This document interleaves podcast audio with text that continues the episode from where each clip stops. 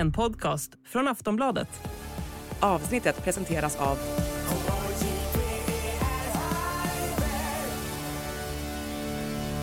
Stödlinjen.se, åldersgräns 18 år. Hej och välkommen till Höjd beredskap, en podd från Aftonbladet Ledare. Idag möter vi Magdalena Andersson och ställer lite frågor om försvarspolitik och hennes egen resa. Från SSU-are som inte ville exportera fler vapen till att hon står nu på konferensen här och argumenterar för särskilt ökad vapenproduktion för att skicka den till Ukraina. Välkommen! Vår beredskap är god.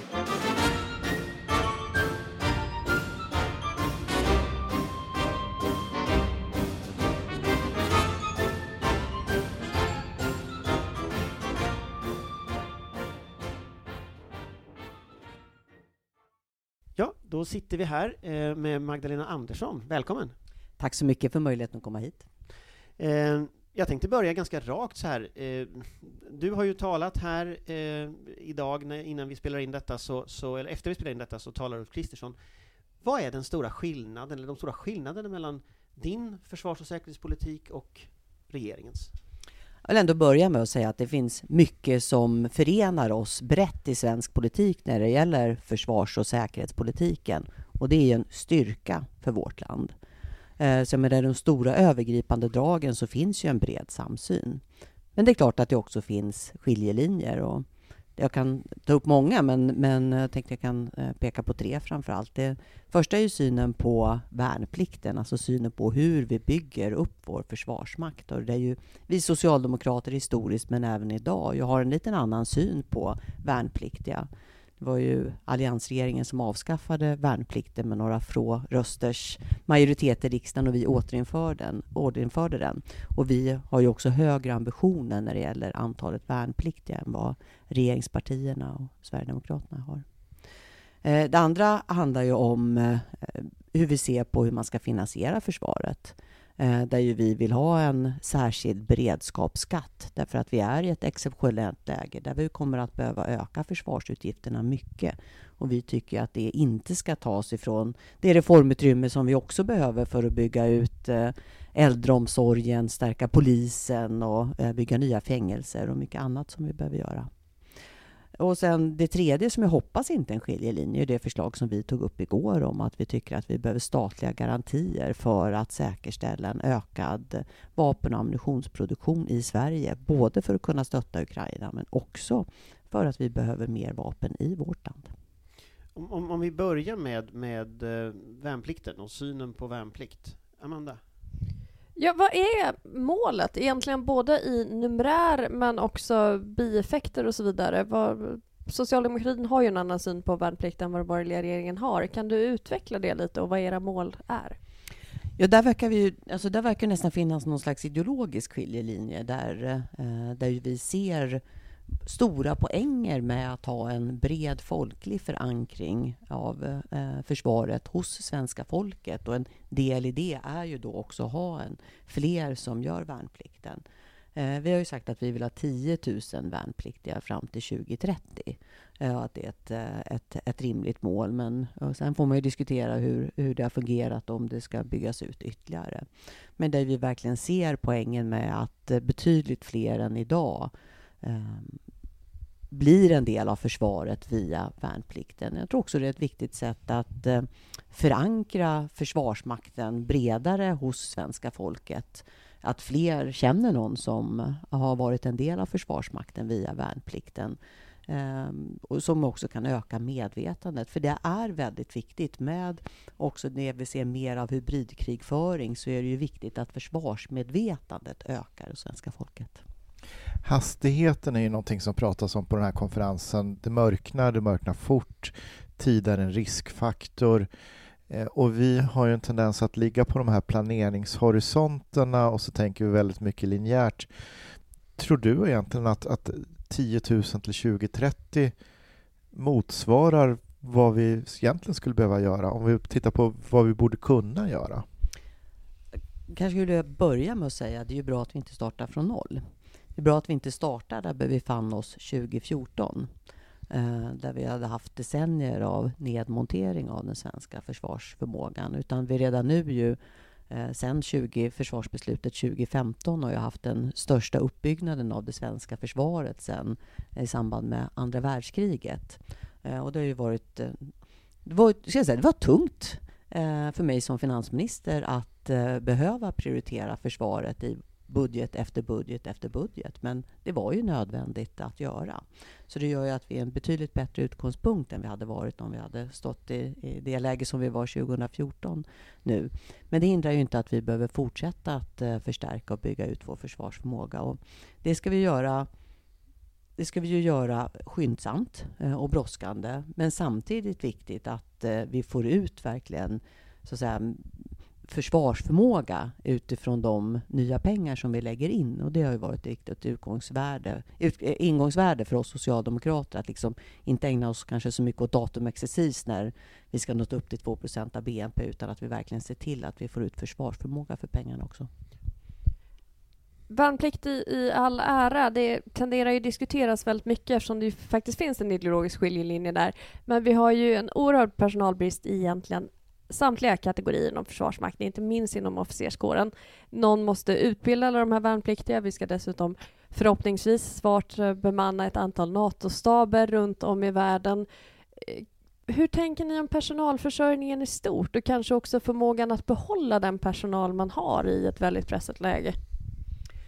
Säga, personalförsörjning och, eh, är ju ett problem, inte bara inom militären. Det är ett problem inom försvarsindustrin, inom äldreomsorgen, inom sjukvården, inom skolan, vi, social, eh, bland socialtjänsten. Eh, så, men vi går ju in i, ett, eh, i en period i Sverige där vi, där vi kommer ha eh, stor arbetskraftsbrist inom, inom många olika områden. Men jag tänker också att, eh, att ökat antal värnpliktiga är ju också ett sätt att få fler att kunna bli intresserade av att arbeta inom, eh, inom försvaret och så att säga, lägga sitt yrkesliv i försvaret. Och det tycker jag, när jag eh, är på besök på, på regementen och träffar värnpliktiga, att det är många som har haft en väldigt, väldigt fin upplevelse och som är intresserade av att också fortsätta sitt yrkesliv inom militären. Eh, det är en god rekryteringsbas men samtidigt så tar det ju en 10-15 år att få fram en duglig högre officer utifrån en värnpliktig. Hur ska man tänka kortsiktigt? För bristen är ju enorm idag redan. Men jag tror att det är som på, på alla arbetsplatser. Det handlar ju om att ha goda arbetsvillkor så att de som arbetar vill fortsätta arbeta, inte söker sig vidare därifrån och kanske också att fler är beredda att lägga ytterligare några år i yrkeslivet där ju vi har en, eh, jag har en eh, tycker, tänker jag själv har en, en, stor potential i Sverige att få fler människor att jobba eh, några år längre. Inte minst om man inte har direkt fysiskt tunga arbeten. Det är ju en situation som vi är nu i där vi kanske måste börja fundera på att göra saker på sätt vi aldrig gjort förut. Och för ett halvdussin år sedan så träffade jag en finsk riksdagsledamot som också då var aktiv i, i finska reservistförbundet som sa till mig att ja, men, men ta in lite finska reservister om du behöver hjälp att utbilda. Eh, vad ser du för möjligheter att faktiskt börja vara okonventionell för att lösa problem? Det är en um, intressant idé och jag tror lyft den med överbefälhavaren. Uh, jag tror att om överbefälhavaren tycker att det är en bra idé, jag har svårt att tro att det kommer möta politiskt motstånd. Jag tänkte, om vi går tillbaka till en, en annan skiljelinje, är ju ekonomin. Um, och, och där där är det väldigt tydligt när man lyssnar på, på dig, när man har lyssnat på ministrarna eh, här, man lyssnar på Försvarsmakten, man lyssnar på, på bevakningsansvariga myndigheter, egentligen oavsett vad det gäller, att, att eh, eh det är jättebrådskande. Det är liksom bråttom, bråttom nu, nu. Samtidigt så ligger ju i de planer som ligger att man ska ha 2% av BNP till 2028. Eh, ÖB i sitt militära råd skjuter fram produktion av viktiga förband bortom 2030 någonstans, 2035. Alltså, hur tänker du om de politiska åtgärderna motsvarar på något sätt de pengar som ges den ambitionsnivå som politiken har? Det är det som jag sa förut, jag menar för oss socialdemokrater är det ju inte viktigt jag menar, det är klart man kan sätta eh, sprätt på 2% av BNP omedelbart. Men vi vill ju ha maximal eh, militär förmåga för de pengarna vi lägger och då kan det ju ta lite mer tid. Och det är ändå Alltså det man vill ha är ut är ju liksom militär förmåga. Det är ju det som är målbilden. Och då kan det behöva ta, ut, ta lite längre tid. Eh, men sen har ju vi sagt att, eh, att vi kanske tycker att man kan vara lite mer ambitiös än vad ÖB har varit när det gäller eh, hur snabbt vi kan bygga ut ytterligare brigader. Men vad tänker du om nivåerna här? För att det är ju, det är ju, försvarsberedningen kommer ju att leverera det under våren. Alltså vad är socialdemokratins finansiella ambitionsnivå i detta? Kommer man att bromsa eller kommer man att driva på eller vad kommer man att göra? Nej, men vi kommer vara beredda att göra det som krävs. Eh, och det är därför tycker vi inte heller att det... Alltså det är inte nu vi ska... Innan vi har gjort en analys av vad man, som man gör i försvarsberedningen av eh, vilken försvarsmåga som vi bedömer att vi ska ha. Först ska vi göra den analysen utifrån omvärldsläget och sen ska vi komma med, med de finansiella resurserna som, som krävs. Så det är viktigt att göra det i, så att säga, i rätt ordning. Så vi får veta ambitionsnivån i april? Eh, när, det, eh, när vi har analyserat färdigt för att vara, vara färdiga med det. Men det är ju det, det är viktigt på riktigt att vi, eh, och så jobbar vi ju alltid, att först så gör man ju en, så att säga, en säkerhetspolitisk bedömning och eh, ser vad, vad vi bedömer att, att det kommer att krävas för uppbyggnad av det svenska försvaret och sen så bestämmer man ju takten och resurserna.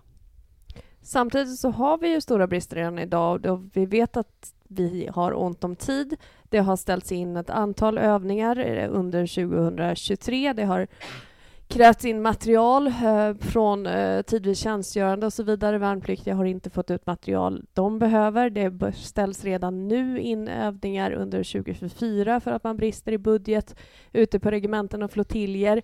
Uppenbarligen så finns det ju ett stort behov idag, eller redan förra veckan. Eh, hur ska man hantera det medan man gör de här utredningarna? Ja, men det är naturligtvis helt centralt att, att Försvarsmakten eh, alltså har, de, eh, har resurser som ligger i linje med eh, de försvarsbeslut som vi har fattat. Eh, här handlar det också om möjligheten att återanskaffa materiel som, som vi har skickat till Ukraina. Och där ligger vi ju efter i förhållande till de försvarsbeslut som vi redan har, som vi redan har fattat. Samtidigt är det ju många länder i världen som nu rustar upp och det gör ju att det är långa ledtider på att kunna eh, återanskaffa det material som vi har skickat till Ukraina. Men det är också mot den bakgrunden som vi igår lyfte upp eh, behovet av att öka vapenproduktionen i Sverige och i Europa. Eh, därför att vi behöver både fortsätta stötta Ukraina eh, med vapen och ammunition, men vi behöver också eh, mer vapen och ammunition i Sverige och i de andra europeiska länderna. Men just det här att man ställer in övningar i det här allvarliga läget, där tänker man att det borde gå att lösa ganska enkelt med ekonomiska tillskott under hand. Absolut är det ju centralt att, eh, att Försvarsmakten har, eh, har de resurser som krävs här och nu också. Men såklart också att man använder resurserna på ett eh, väl avvägt sätt, Eh, de pengarna som man har fått. Och det handlar väl också om hur man har gjort materiellbeställningar, de, eh, de brister i materiel som, som finns. Så att det är ju inte bara en ekonomisk fråga utan också hur, hur försvaret har förmått att eh, använda de resurser som man har fått. Om, om, man tittar på det här förslaget ni la igår, eh, du har varit inne på det, eh, så, så la ni ju ett förslag som ju är att Sverige ska ge, eller staten ska ge garantier så att försvarsindustrin ska kunna producera ammunition direkt till Ukraina. Kan du berätta lite mer om hur ni har tänkt att det här ska funka i praktiken? Jag börjar med att säga bakgrunden till det här, det är ju det som eh, vi ser i Ukraina nu. Det är ju ett utnötningskrig. Och i, man kan också säga att det är ju ett, ett industriellt krig. Eh, och där ju en del eh, säger att Ryssland har i praktiken ställt om till en krigsekonomi eh, Eh, för att eh, öka produktionen, öka de militära utgifterna och inte minst öka produktionen av, av, vapen och ammunition. Och det har ju vi inte gjort i Europa. Men eh, ska Ukraina, som ju inte bara kämpar för sin egen frihet utan för, för allas vår frihet i, i Europa, lyckas, då måste vi på ett helt annat sätt än idag öka produktionen av vapen och ammunition i Europa. Och Sverige har ju en stolt historia och en stolt framtid med vår, eh, vår försvarsindustri. Eh, och då, då menar vi att vi bör kunna öka produktionen i Sverige eh, och se till att det verkligen sker via statliga garantier. Och sen exakt hur, de, hur sådana garantier kan användas på bästa sätt, ja det behöver ju regeringen, Försvarsmakten och försvarsindustrin sätta sig tillsammans och, och titta över. Men, men på pressträffen igår så sa ni att ni kommer att lägga ett utskottsinitiativ på detta. Eh, har ni haft några kontakter med andra partier om de kommer att vara positiva till detta utskottsinitiativ? Eller? Det här kommer ju diskuteras då i, eh, i försvarsutskottet, men vi kommer lägga, gå fram med det här initiativet och jag hoppas att det finns eh, många partier, kanske till och med alla, som tycker att det här är ett bra förslag. Mm. Jag tänkte gå vidare till en annan fråga lite grann. Du, eh, I ditt tal igår så sa du en sak som jag, som jag fastnade vid och som jag tror många känner igen sig i alla fall. Du sa att du gick inte med i SSU för att du skulle sälja eller producera mer vapen. Eh, men där är där vi är ungefär. Något sånt sa du. Utveckla lite det där. Nej, men jag gick ju med i eh, SSU eh, mitten på 80-talet. Det var ju under en period när eh, e-, ja, hela eh, Sovjetunionen och, och östblocket var på väg neråt. Eh, det, var ju, de, ja, det var ju på nedgång och hamnade ju sen också i, i fritt fall. Eh, det var ju en fantastisk period efter 1989 ehm, där vi ju ja, man brukar säga end of history, där världens länder skulle bli fria, eh, fria demokratier. Vi skulle kunna leva i, i, fred och frihet och demokrati tillsammans. Eh, och det var ju liksom i den tidsandan som, som jag eh, började min politiska gärning. Och det är klart, då, var det ju, då drömde man ju om, om, om som sagt fred och frihet och demokrati för, för alla länder. Sen har vi ju sett en utveckling i, i Ryssland under de senaste, eh, senaste decennierna som har gått i precis motsatt riktning.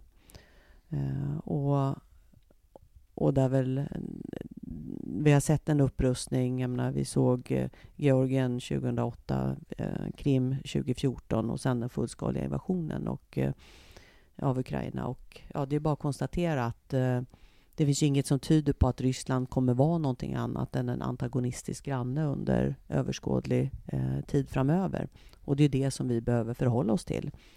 Eh, och eh, oavsett vilka drömmar man hade när man engagerade sig politiskt så har man ju som politiker ansvar för att se verkligheten som den är här och nu och agera eh, utefter det. Och det är det, som, eh, det är det som vi gör. När skulle du säga att du själv insåg vad Ryssland egentligen har blivit? Alltså att man fullständigt bara har släppt alla all respekt för mänskliga rättigheter, all respekt för internationell rätt, för den europeiska säkerhetsordningen? Alltså när insåg du att det, liksom, det här loppet är kört? Nej, men det är ju inte en punkt, för det har ju varit en lång process. Utvecklingen i Ryssland har ju gått åt fel håll under en längre tid. Um, och är det något som, ja, men är något som uppenbart är ju att Europa borde ha agerat betydligt kraftfullare ja, 2008, men absolut 2014. Vad, vad, vad är... Men det är ju, det, men det är ju vad är din och det, och det, alltså det uppvaknandet som kom 2022, det borde ha skett 2014. Varför tror du inte att det gjorde det? Då? Ja, det är väl verkligen något för historiker att, eh, att analysera. Men det är klart att det alltid är... I Sverige befann vi oss i en valrörelse. Det är ju alltid en speciell tid, men det var det ju inte överallt i, i Europa och, och inte i USA. Um, ehm, är det lättare att, att, att blunda och tänka att det nog inte är så farligt och inte så allvarligt än att, att verkligen se sanningen i vitökat. Men eh, 2022 så fanns det ju inga möjligheter att blunda. Och där fick ju du en, en får man väl kalla det för nästan en chockartad start som statsminister i det här området. Eh, om vi tittar på för då 2022 Folk och försvarsrikskonferens. där var du inte med. Men sen de kommande två månaderna så var det ju åka liksom säkerhetspolitisk eh, svart backe utan hjälm. Kan, kan du reflektera lite grann på den liksom upplevelsen, vad du slängde dig in i och, och, liksom, och, och, och, den resa du fick göra? Ja, och säga utan att vara slalomspecialist också, om man ska vara ärlig. Kanske längdskidåkare då, som fick göra det där med längdskidor i den svarta backen? Ja, precis. Jag körde mina Vasaloppsskidor i, i den svarta backen. Um, nej, men det var ju... Uh, jag hade ju planerat uh, att ägna uh, våren åt att resa i Sverige Eh, det som man inte har tid att göra så mycket som finansminister och, och, träffa många, många människor runt om i vårt land. Men det var ju bara att lägga alla de planerna åt sidan och sen blev det Vita huset och eh, London och eh, 10 Downing Street och LUC-palatset istället. Eh, men det är ju, det är ju som, som jag sa tidigare också, som, som politiker så måste man ju se sanningen som, eh, verkligheten som den är och så får man göra det som krävs. Och eh, vi hade sen för, ah, första gången sedan andra världskriget ett fullskaligt invasionskrig i vår direkta närhet. Och då fick man agera, eh, agera utifrån det. Så att det blev ju ett helt annat fokus och inte minst väldigt, väldigt nära kontakter hela den våren med eh, eh både president Niinistö i Finland men också eh, statsminister Sanna Marin. Om man tänker på liksom NATO-frågan, den har ju varit en, en oerhört traumatisk upplevelse liksom under många år, diskuterats i evighet. Socialdemokraterna ändrar sig på ett halvår eh, och väldigt snabbt. Eh, så. Eh, det var ju en process du ledde. Alltså, hur, hur gör man en sån process? Hur ändrar man Socialdemokraterna, supertanken, i en sån fråga? Jag ska säga att det var inte jag som ändrade supertanken Socialdemokraterna, utan Putin. Eh, alltså det, var ju en, det var en ny verklighet eh, som vi vaknade upp till eh, morgonen den 20, 22 februari. Eh, och eh, det är ju det som, som var grunden till den rörelse som kom i Finland och sen också, också i Sverige. Eh, det som var viktigt för mig var ju under den våren eh, naturligtvis att säkerställa att eh, att liksom innan man fattar ett sådant beslut att, att liksom alla nödvändiga pusselbitar var på plats. Ja, dels att vi kunde gå hand i hand med Finland, att det fanns ett väldigt brett stöd i Sveriges riksdag för, eh, för, ett sånt, för ett sådant beslut. Men inte minst att vi hade säkerhetsförsäkringar från de stora NATO-länderna och de nordiska länderna. Det var helt avgörande för, eh, för att komma fram till det beslutet. Om det är något så här som du kan titta i efterhand, jag tänker, vi är ju fortfarande inte medlemmar i NATO till exempel, finns det någonting man kunde gjort annorlunda från Sverige? Det var ju inte så mycket diskussion om Turkiet innan vi ansökte och sådär, alltså, men, men var det något vi hade kunnat göra annorlunda? Nej, jag ska säga att Turkiet var ju också välkom väldigt välkomnande eh, till oss som medlemmar i, i, i våra kontakter tills de eh, plötsligt svängde. Tills de inte var det? Tills de inte var det längre. Eh, så, men, men å andra sidan, vi, jag menar, har man varit igenom internationella processer förut så vet man att hinder kan dyka upp på vägen och det var ju vi också väldigt tydliga med hela tiden och sa ju också att det här, att det här kan, eh, kan ta tid. Men här är det ju viktigt att vi eh, nu alla partier i, i Sverige eh, agerar på ett sånt sätt. Alltså det finns ju delar i NATO-ansökan som, som så att säga, inte Sverige, som som handlar om relationer mellan andra länder i, i, Nato. Men det som vi själva kan påverka, att vi i alla fall inte sätter käppar i, att alla partier i riksdagen ser till att inte sätta käppar i hjulet för den här processen. Vi behöver inte, vi behöver inte fler attacker på eh, den religion som eh, utav, är den största stora religionen i Turkiet. Det är ju inte konstruktivt. Hur mycket tror du det har påverkat, alltså koranbränningarna och SDs eh, retorik och sådär? Vi kan ju konstatera att det, har ju inte varit hjälpsamt i eh, den här processen och här måste alla partier i Sveriges riksdag eh, sätta Sverige, Sverige och svenska folkets säkerhetsintressen före partiintressena. Och regeringspartierna bör ju ha eh, antingen koll på sitt eget regeringsunderlag eller fundera på hur bra det är för Sveriges säkerhet eh, att ge eh, det här partiet och de här personerna de plattformar som man har gett dem. Om, om vi tittar framåt lite grann eh, så, så ser vi ju, när är Sverige med i NATO? Jag tänkte inte ägna mig åt den datumbingo som, som regeringsföreträdare har gjort. Okej. I den här podden har vi diskuterat detta och haft fel hela tiden. Vi brukar tro olika saker, eh, så att vi brukar ha fel. Men det är, så här, det är ju ett bra steg, det är ett bra steg att, eh, att uh, Turkiets utrikesutskott har, har sagt ja.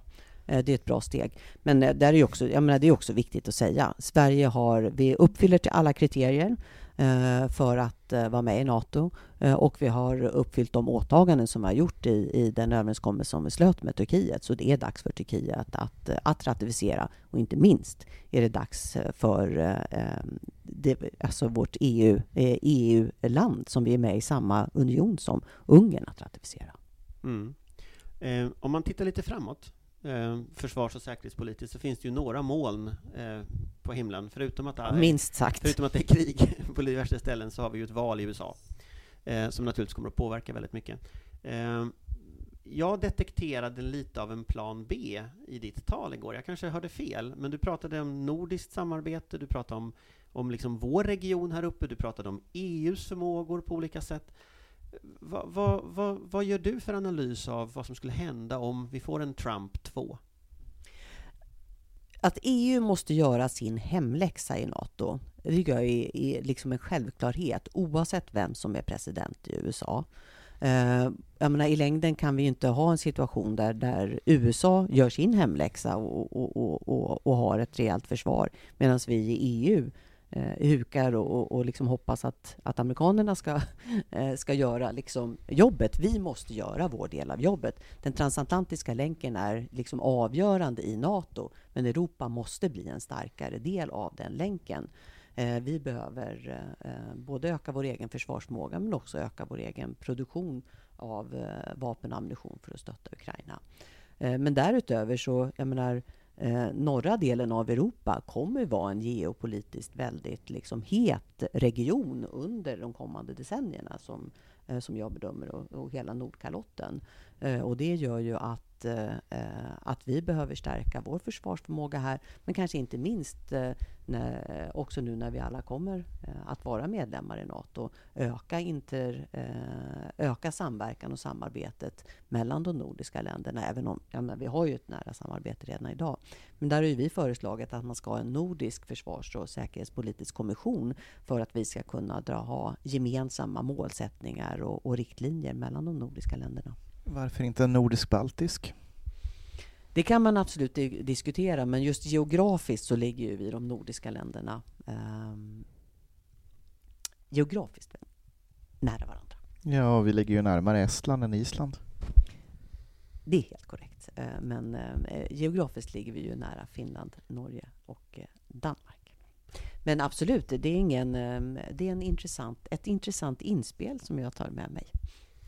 Men, men om man tittar... Och vi har ju, ska jag säga, menar, i, i, internationella sammanhang, jag menar, när, när vi samarbetar nordiska länderna tillsammans så men har vi ju de senaste decennierna ganska ofta haft de eh, baltiska länderna också som har hakat på det samarbetet. Det fungerar ju, ja, fungerar ju oftast väldigt väl.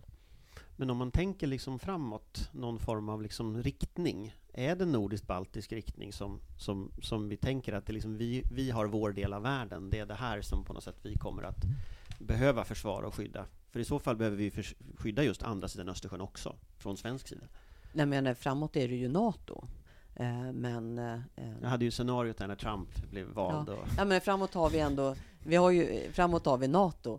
Eh, men det är klart att, att Norden och Nordkalotten kommer vara en, en, en, en, en viktig region i, inom NATO. Och där naturligtvis vi länder som finns där kommer ha ett särskilt ansvar. Tack så jättemycket för att du kunde komma till podden. Tack så mycket. Tack så mycket. Tackar. Vår beredskap är god. Ja, då sitter vi här nu i vår panel här efter samtalet med, med Magdalena Andersson, Eh, välkomnar också Johan, återigen på länk, får vi se hur det går med tanke på vår teknikförmåga i denna krets, eller min teknikförmåga. Jag tänkte det var väl bra att du förtydligade vem som har oförmågan och ansvaret. Ja, precis, jag förtydligar. Det är viktigt med ansvar, har jag fått lära mig här. Men jag eh, vi får se hur det går först innan vi målar fan på väggen. Men i alla fall, eh, ja, Magdalena Andersson, eh, det var ju en, det var ett ganska intressant samtal tycker jag. Eh, andra halvan blev ju mycket mer personlig. Men vad är era reflektioner? Amanda? Nej men det är ju intressant, eh, dels så parallell med eh, sakministrar och mer allmänministrar eh, och det är ju tydligt att eh, i diskussion om till exempel personalförsörjning så det är uppenbarligen inte någonting som diskuteras tillräckligt på Socialdemokraternas partikansli och det är säkert inte det enda stället att det inte diskuteras tillräckligt. Men det visar någonstans hur hur grund den här problembilden är på många ställen, även hos makthavarna. Att eh, det är värnpliktens vara eller inte vara och storlek som anses på något sätt vara dimensionerande för en fungerande försvarsmakt. Och oavsett vad man tycker om värnplikten och dess storlek så är ju det i sig långt ifrån tillräckligt, vare sig i liksom tidsram eller effektivitet. Så det var väl en sån där eh, sak jag funderade över. Ja, men jag har två reflektioner. Den första reflektionen är ju hur svårt eh, alla har att tänka utanför boxen och ramen. Ehm, och också, men också det positiva i reaktionen där att ja, men man är inte omöjlig att göra det, bara man börjar, börjar den resan. Och det tyckte jag ändå att, att samtalet signalerade. Och sen en liten mer så här personlig reflektion av, av det. Jag tyckte att hon verkade ha ganska kul under samtalet. Eh, och, och det, det, var roligt att se att, att det liksom fanns en, en energi och glädje mot slutet där. Vi är ju så trevliga. Ja, vi är ju det. Nej, men jag, tänker en annan, en annan sån där grej som jag tänker när jag, när jag lyssnar på hur hon resonerar så, så är det väldigt tydligt, dels som du säger att det är en, det är en allmänpolitisk ingång eh, i, i försvars, i liksom detaljerna så, men, men det är också skulle jag säga, en, en väldigt tydlig gemensam svensk verklighetsbild av vad som händer. Alltså om vi går tillbaka några år i tiden, då, då hade man olika perspektiv från de olika blocken. Man, man hade liksom en tydlig NATO-sida, man hade en alliansfrihet, man hade liksom en, en typ av ideologisk eh, konflikt kring de här frågorna. Idag skulle jag säga att vi har en väldigt gemensam världsbild. Det är väldigt få så tunga aktörer som, som idag liksom går emot det. Och det har naturligtvis att göra med att verkligheten har liksom förstört liksom förutsättningarna för, för i stort sett eh, andra, andra alternativa vägar. Men jag tycker det är ganska intressant att man är liksom i den här situationen att vi har faktiskt, tror jag, för första gången eh, på i alla fall ett par hundra år möjligheten att skapa en gemensam berättelse om vad svensk säkerhet är och en gemensam berättelse om vad en doktrin är för någonting. Och det där tror jag man ska vara lite rädd om, alltså att man ska försöka hitta någon sån här gemensam förståelse. Nu eh, tycker jag att du är lite ohistorisk när du drar till med ett par hundra år. Ja, det tänkte jag också. Det här berättelsen den, den kom ju under andra världskriget. Folk och försvar skapas ju 1940. Eh, Vi ser ju den samlingen kring samlingsregeringen Eh, och det bär man med sig in i kalla kriget i, i hyfsat stor utsträckning, en grundläggande samsyn. Så att vi, det här har vi gjort förut, skulle jag säga. Ja, vi har gjort det förut, men vi har också ganska snabbt hoppat ur det. Tittar vi på mellankrigstiden så var det en extremt hård konflikt mellan höger och vänster i Sverige när det gäller nedrustning och sen Sen tog ju kriget slut på det, så att säga. Tittar man efterkrigstiden så visst, det, det, ett par decennier så var man överens, men sen var man inte överens längre.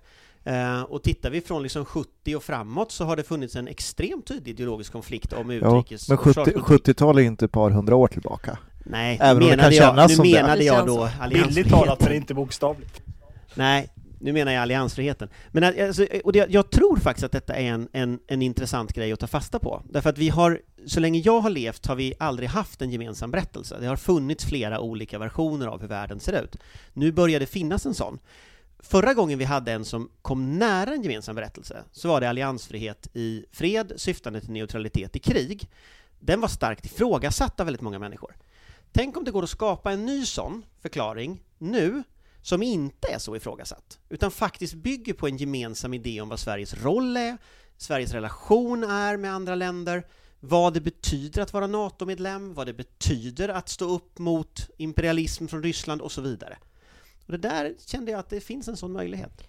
Jag tycker ju hennes reflektioner kring eh, hennes egen resa eh, det här hon nämnde i sitt tal att det hon, hon gick ju inte med SSU för att eh, arbeta för ökad vapentillverkning.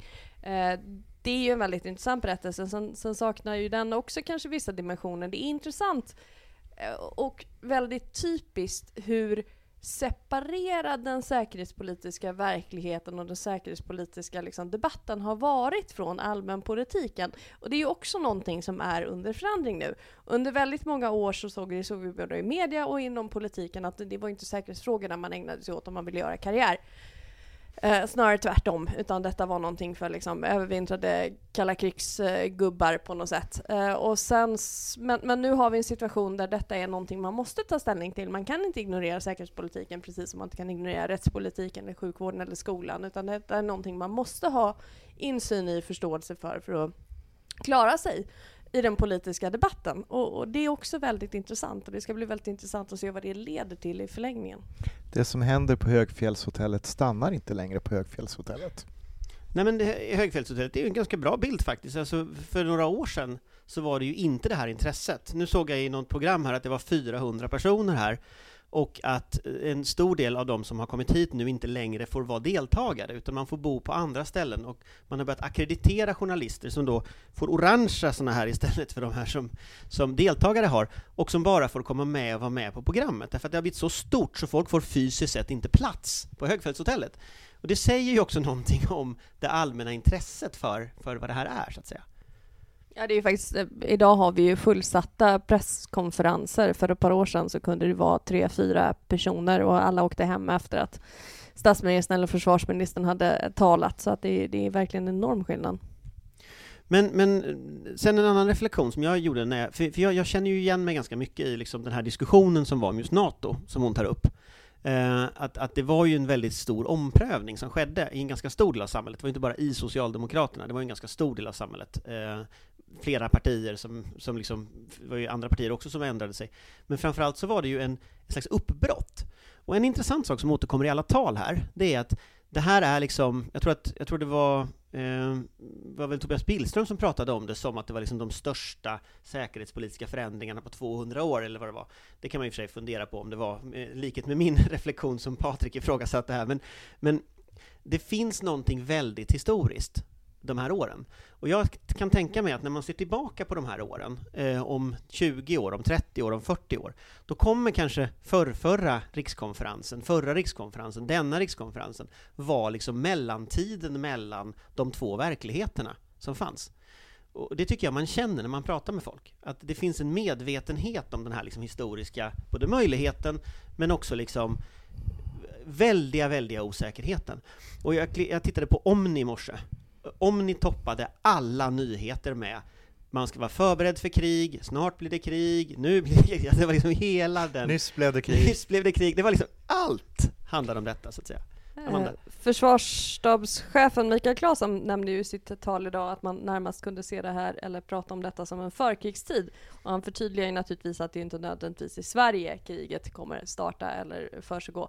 Men, men det ligger någonting i det och det är lite den känslan som ligger i luften faktiskt. Eh, dels den här eh, ändå lite känslan av brådska som vi har efterlyst i den här podden så länge. Dock inte tillräcklig. Det är fortfarande väldigt mycket utredningar som tillsätts. Det är väldigt mycket diskussioner om budgettillskott om ett år eller två eller tre. Eh, och vi skulle behöva det nu och helst igår. Men, men det börjar ändå någonstans sjunka in att det är bråttom och också att, att, att jo, vi befinner oss i ett, ett förkrigsläge för Europa. Att vi har inte andrum egentligen eller någon större eh, möjlighet att fundera över det här längre utan, utan det är nu liksom. Jag tycker att det är egentligen dumt att prata om det som en förkrigstid därför att sedan 2014 är vi i en krigstid i vår del av världen eh, och förkrigstid skulle jag säga att det var vi, redan, var vi liksom tidigare i. Eh, så att eh, Ja, jag är lite, lite, lite... Du är kärring mot strömmen idag? Ja, jag är kärring mot strömmen idag. Alltså jag var, jag var faktiskt på en, en, en presskonferens tidigare som, som eh, det var statsministern och, eh, och justitieministern som hade den om, om nationell strategi med våldsbejakande extremism. Den kan vi lämna därhän, men en intressant fråga på den kom från finska YLE som räckte upp handen och frågade om de inte höll på med skrämsel. Därför att de tyckte att skillnaden mellan den finska diskussionen och den svenska var så stor. Och liksom, de kom av sig i det här liksom, och förklarade att nej men de, det är ju inte skrämsel, de säger ju som det är. Men någonting har hänt när någon från Finland kommenterar att Sverige tar saker mer på allvar än vad de har gjort. Och det nej, är något nej, intressant nej, i men det det där. där stämmer inte, Anders, för att det, det här är en kulturskillnad. I Finland behöver man inte prata om det, man vet att det är så. Ja, men, ja okej. Så, ja, fast det var en intressant skillnad. Jag har aldrig hört den typen av kritik från en finsk journalist. Ja, men alltså där är ju återkommande så tycker ju finnarna i, i, att vi i Sverige försvars och säkerhetspolitik, vi bara snackar och vi har känslan utanpå kroppen och vi, vi fränger och flyger hit och dit och vår försvarsmakt kommunicerar ju massa saker som finska försvarsmakten aldrig skulle få för sig att kommunicera. Nu kommer de väl att förändra sig när de går med, eller med i NATO då, att, att det blir liksom en annan stratcom policy. Så att här finns en, en ganska betydande kulturell skillnad skulle jag säga. Eller håller du med Johan? Jag skulle säga att det är en post-kalla krigsskillnad. Under kalla kriget så var det ju ganska lika skulle jag vilja påstå. Eh, då, då hade man en, en ömsesidig respekt på ett annat sätt tror jag för, för respektive roller och hur det såg ut och då hade ju Sverige en helt annan förmåga också. Både totalförsvar och sitt militära försvar. Gunnar Strömmer dementerade i alla fall att det var någon fråga om skrämsel. Det var, och det gjorde Kristersson också mycket tydligt. Det var, de sa som det var. Får jag bara, Eh, bara säga det, jag var ju inte med Ja. under själva den här saken, men det är ju väldigt intressant det här skeendet du pekar på. Det måste ju faktiskt uttryckas som en väldigt stor ledarskapsgärning att kunna svänga ett parti på två månader från en tydlig position till en helt annan. Ivrigt påhejad av verkligheten förstås, men, men det, det krävdes liksom sin kvinna där för att göra det där. Jag, jag kan ju komma med en reflektion där, och det är ju vad hade hänt om det inte var en nyvald partiordförande som hade ett helt starkt, jättestarkt mandat, utan att det hade varit Löfven till exempel, som ju var på väg ut, liksom så. Alltså, vad hade hänt i en... Det finns ju massa sådana scenarier liksom. Vad hade hänt om opinionssiffrorna såg annorlunda ut i en sån situation till exempel? Hade man andra krafter varit starkare eller så? Eh, nu blev det ju väldigt tydligt att hon tog befälet. Och hon sa ju, hon var ju ödmjuk här och det var ju alla som diskuterade och sådär. Men det är klart att utan hennes ledarskap så hade inte Atlantångaren Socialdemokraterna eh, flyttat sig. Så är det. Så hon var rätt person vid rätt tidpunkt på ett sätt som, som är väldigt historiskt intressant. Hon klarade av den svarta pisten. Ja, hon klarade av den svarta pisten, precis. Eh, ska vi titta lite på programmet idag? Eh, ska vi börja med Johan? Det här programmet inleddes ju med något som heter Sveriges strategiska roll i NATO. Vi fick besked från eh, statsminister Ulf Kristersson om att Sverige, när vi är NATO-medlemmar, kommer att placera en, en eh, begränsad bataljon. Om jag förstod det rätt så skulle det vara de sa sen att det var mellan 1000 och eh, 500 man, men någonstans 700-800 är väl den siffran de flesta här pratar om eh, att det skulle handla om i Lettland. Eh, och att det blir liksom en tydlig signal om, om att Sveriges roll i, i NATO inte bara är att söka andras hjälp utan också att aktivt gå in och hjälpa andra. Johan? Det är för det första ett bra take att ha den ramen kring den här diskussionen. Vad ska vi åstadkomma Eh, med vårt medlemskap i NATO? Hur ska vi bidra på olika sätt eh, till det gemensamma bästa? Hur ska vi bidra till avskräckningen? Så att det tycker jag är bra fångat. Eh, och det finns ju inget i sig att, att liksom kritisera till ett sånt styrkebidrag med en reducerad mekaniserad bataljon i Lettland. Det är rätt plats. Det är ju för att skapa en, en, en strategisk avskräckning i den meningen att NATO blir indraget. Operativt sett så har det ju en mindre betydelse förstås för att en, en bataljon försvinner ganska lätt i, i, i bland många förband då, om, om Ryssland skulle stampa upp en, en ny armé eller flera nya arméer inom loppet av tre till fem år som man kan väl tänka sig är realistiskt. Eh, däremot så tror jag inte riktigt man ännu insett att det kommer att kosta väldigt mycket pengar att hålla den här bataljonen där.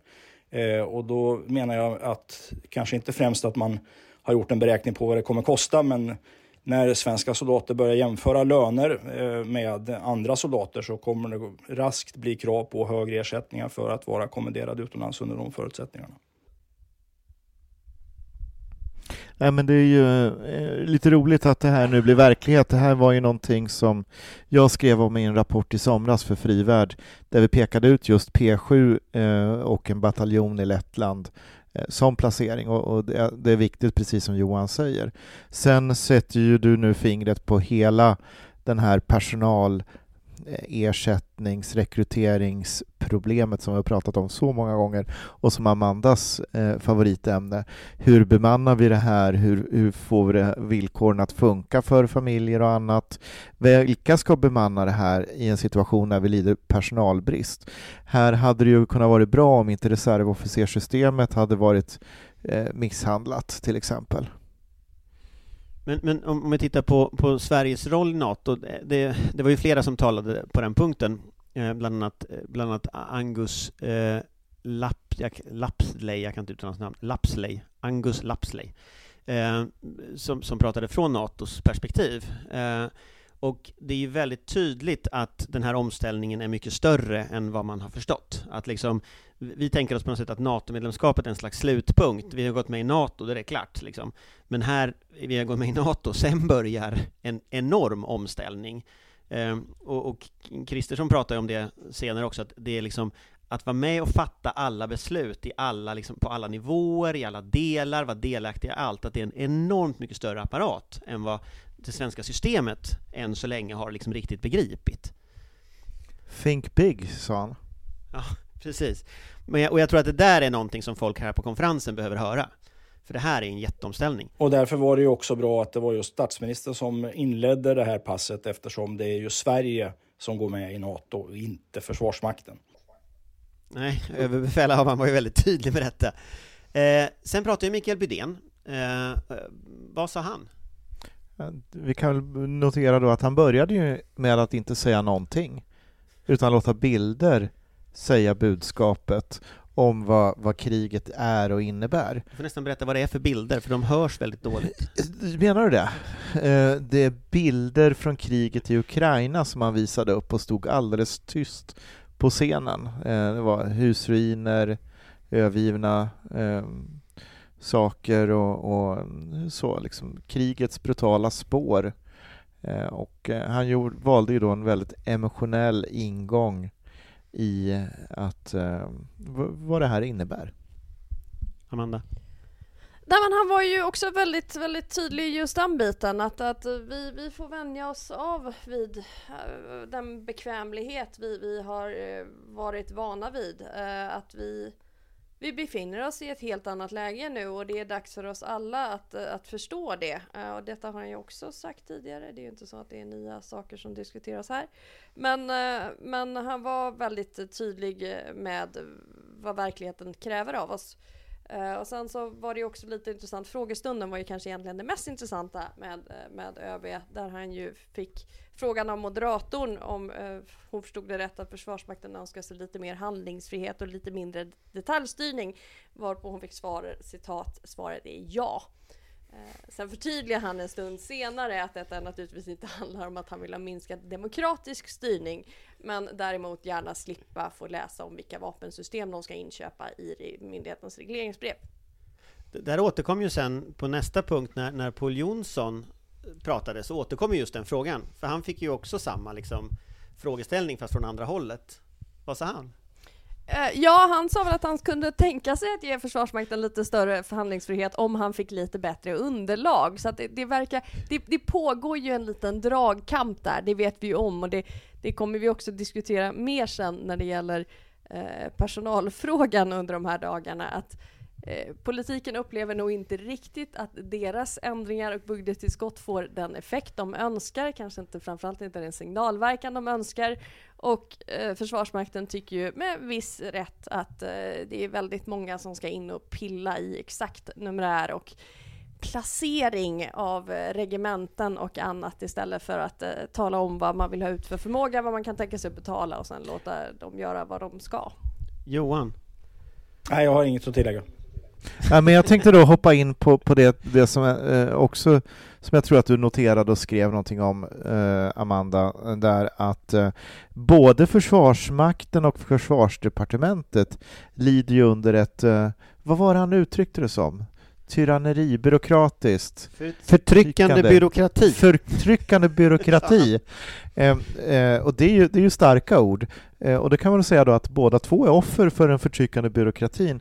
Och då blir ju utmaningen vad gör man åt det då? Det var ju ganska många som fnittrade i lokalen med tanke på att de tillhör väl den här förtryckande byråkratin, ganska många av dem. Då lyssnar man på den andra ministern på försvarsdepartementet och gör någonting, bara så att någonting händer, och sen tar man diskussionen efteråt. Det var inte riktigt det han uppmanade till, men, men, men det var väl ungefär andemeningen. Ja. Men, men, ja, men förtryckande byråkrati komma med ett litet instick. Vi har ju haft eh, exempel på pers personalunioner mellan försvarsdepartementet och Försvarsmakten jag tänker då på att eh, förre chefen ledningsstaben Jan Salestrand blev helt plötsligt eh, statssekreterare och nu har vi en före detta generaldirektör för Försvarsmakten Peter Sandvall som statssekreterare i Försvarsdepartementet. Så man borde ju kunna reda ut de här sakerna kan man tycka. Men den förtryckande byråkratin är stark, underskatta inte styrkan i den. Vad är skillnaden mellan en djup stat och en förtryckande byråkrati? Kan ni berätta det för mig? Den ena är mer så sinister och den ja. andra är bara... Det, Den Den, bara händer. den, den ena ingår i och den andra gör inte det i Anders. Alltså, jaha, okej, ja, det var ju tråkigt. Eh, vi, Vilken är vilken? är den spontana men om följdfrågan vi, om, vi, om vi går vidare här, så, så Paul Jonsson är ju våran plan att komma tillbaka till imorgon i en, en ny podd, då kommer vi träffa Paul Jonsson om tekniken fungerar, som sagt. Eh, men sen kommer vi till, till eh, Mikael Claesson, att skala upp i en orolig tid, och han är ju alltså eh, chef för, för försvarsstaben. Vad sa han? Ska vi börja med, med Patrik?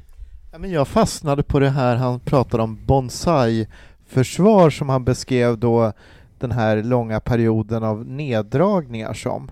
Sen sa han inte det här, men min hjärna fyllde i att jaha, då går vi från bonsai till bansai då. Och nu blir det bara tysta. Jag vet inte, jag kanske är för trött för att podda idag tror jag. Men, men, men, men eh, det finns ju någonting väldigt spännande i den bilden av ett, ett bonsai-försvar, ett miniförsvar, som nu ska skala upp. Men det är ju en ganska komplicerad resa som han beskriver.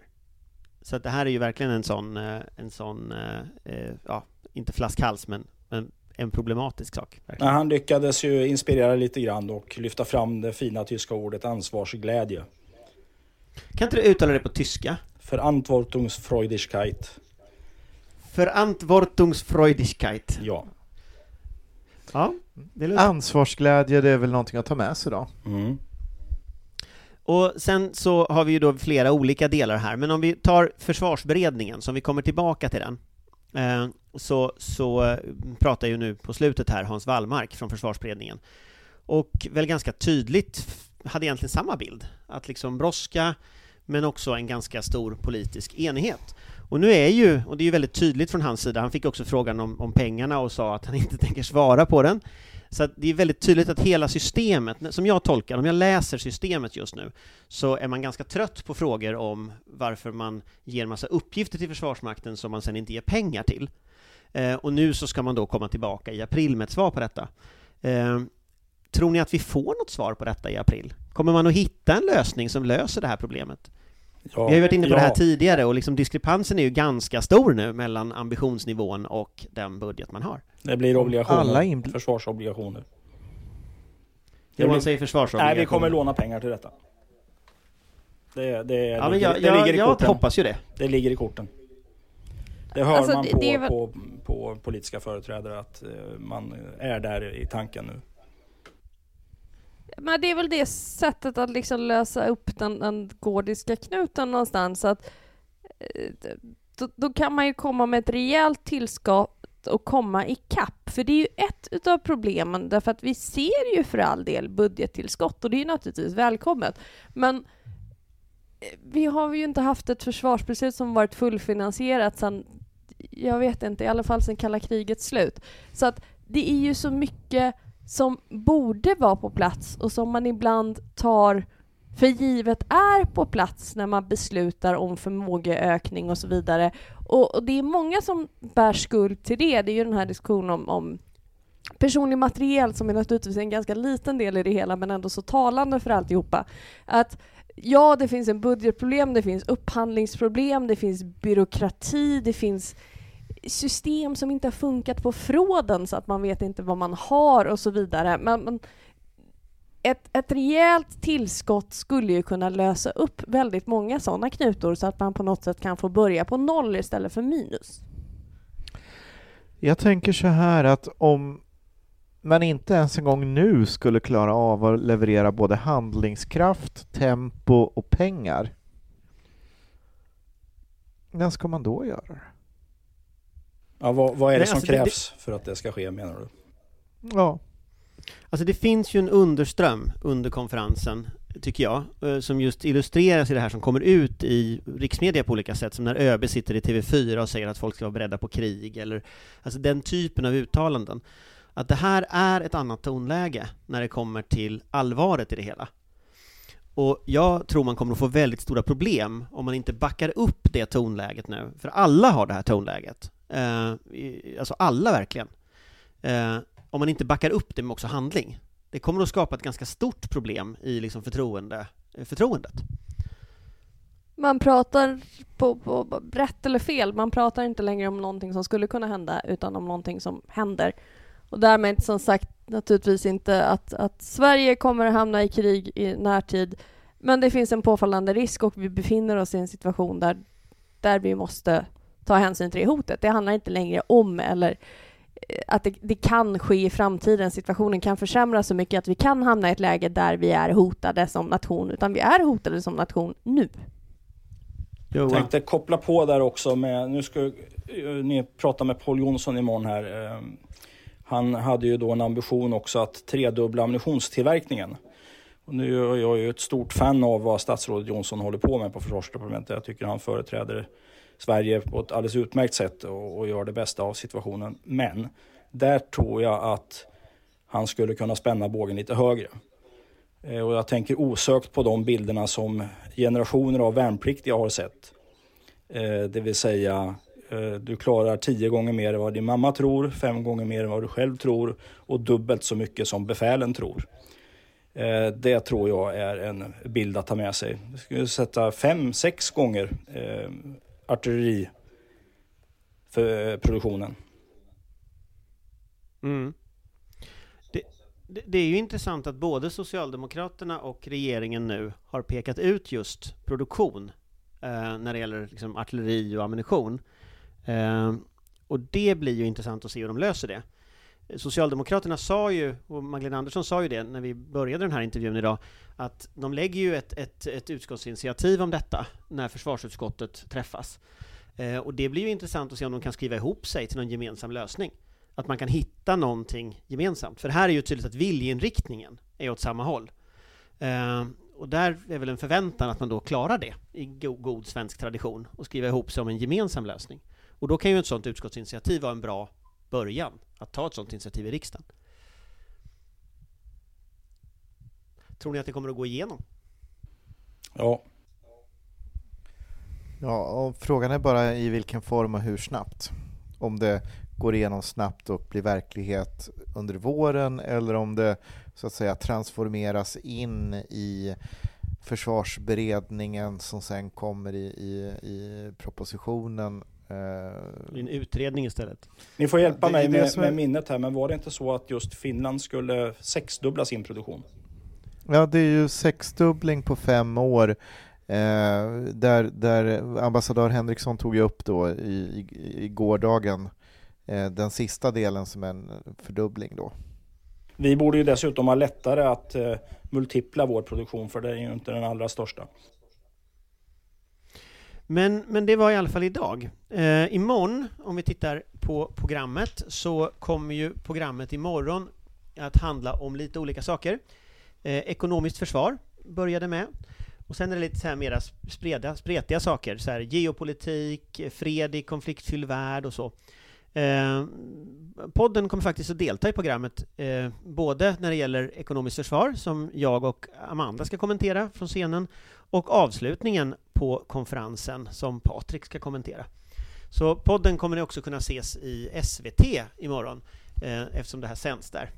Det är inte podden utan vi som individer. Ja, det Ska vi ju förtydliga. Det är, det är vi som är podden, Patrik. Jo, jo, jo, men jag tänker bara... Men sen sker det en sak utanför programmet som jag vill kommentera också.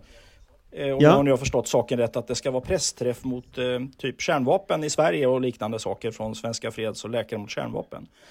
Och då vill ja, jag ju bara säga att det vore väldigt bra om statsmakten kunde gå ut och dementera de här sakerna stenhårt så att vi slipper lyssna på den här typen av missuppfattningar eller, eller mm, konstruerade misstänkliggöranden av eh, vårt NATO-medlemskap. Därför vem som helst kan ju förklara att det där inte kommer att ske. Och om man då betänker hur lång tid det tar att ordna ett miljötillstånd dessutom på Eh, på Gotland för att Försvarsmaktens mekaniserade styrkor ska kunna öva där så skulle vi hinna till Saturnus från Sverige eh, och tillbaka igen innan det miljötillståndet var klart.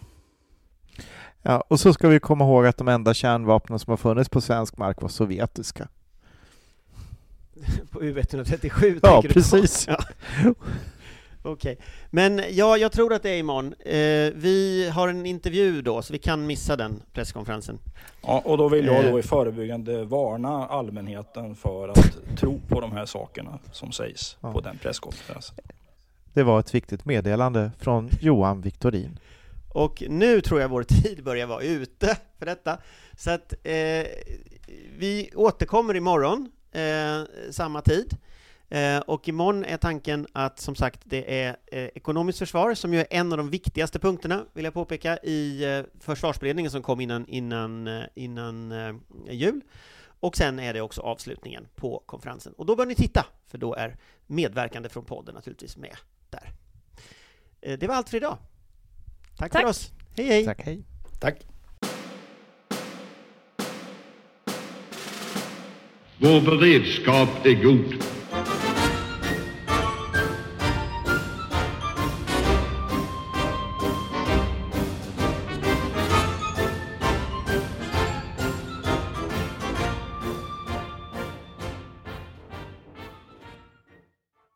Du har lyssnat på en podcast från Aftonbladet. Ansvarig utgivare är Lena K Samuelsson.